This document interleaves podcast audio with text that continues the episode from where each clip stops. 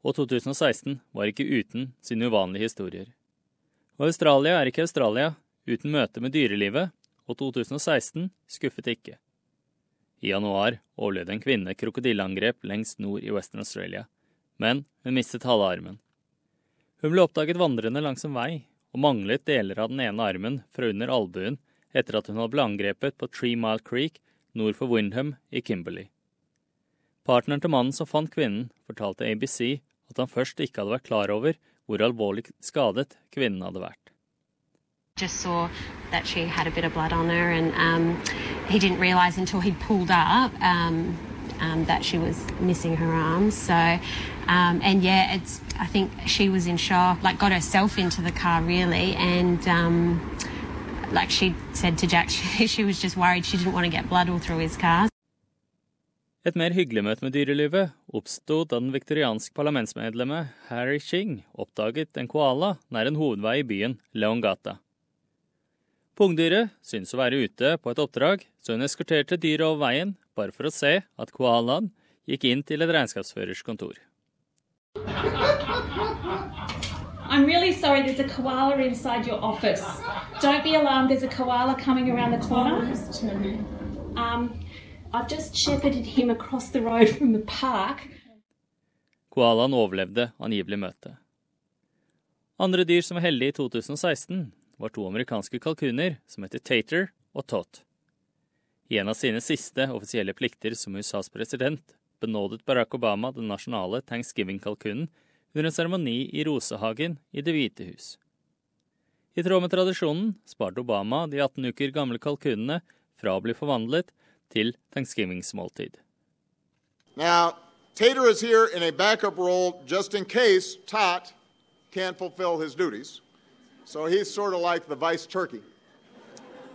We're working on getting him a pair of aviator glasses. And it is my great privilege well, it's my privilege.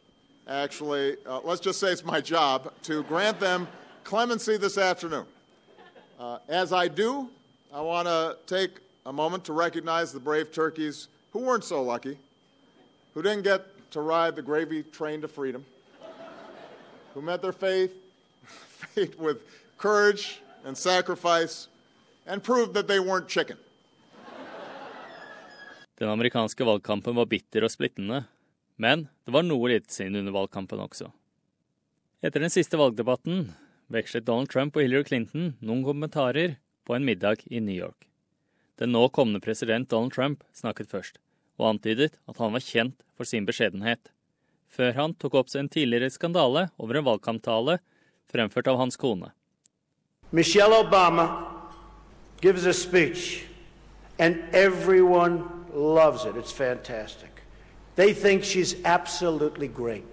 My wife, Melania, gives the exact same speech. And people get on her case. Hillary Clinton fleipet så om sin egen langvarige e-postskandale før hun sammenlignet sin egen helse med Trump sin. We've each released our medical records. My heart rate is 72 beats per minute. His is the most beats ever or the least beats ever, whichever sounds best. På sitt første offisielle besøk i den tyrkiske hovedstaden som britisk utenriksminister bestemte Boris Johnson seg for å styre klar av sine tidligere fornærmelser av president Recep Tayyip Erdogan.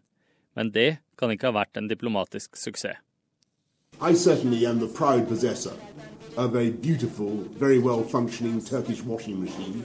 Uh, uh like so many other people, in my country. Democracy sausage ble kåret til årets ord ved Australian National Dictionary Center. Betegnelsen for en grillet pølse kjøpt med stemmeoverlukket på valgdagen ble først brukt i 2012, men dets popularitet økte betydelig i løpet av årets føderale valgkamp. Og i november klatrer hundrevis av mennesker høyt over Brisbane for å få et glimt av den største og mest lyssterke månen på flere tiår.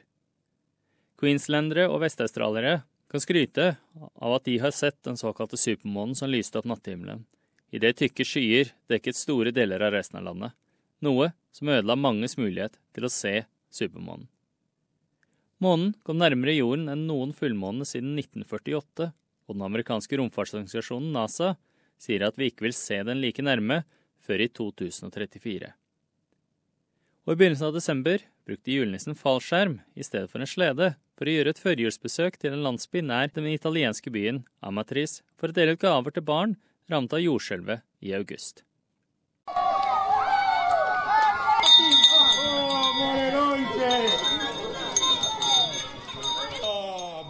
Oh, Santa Claus finally can rest. Let's start. A little kiss? A little kiss? He's not going to give me a little kiss.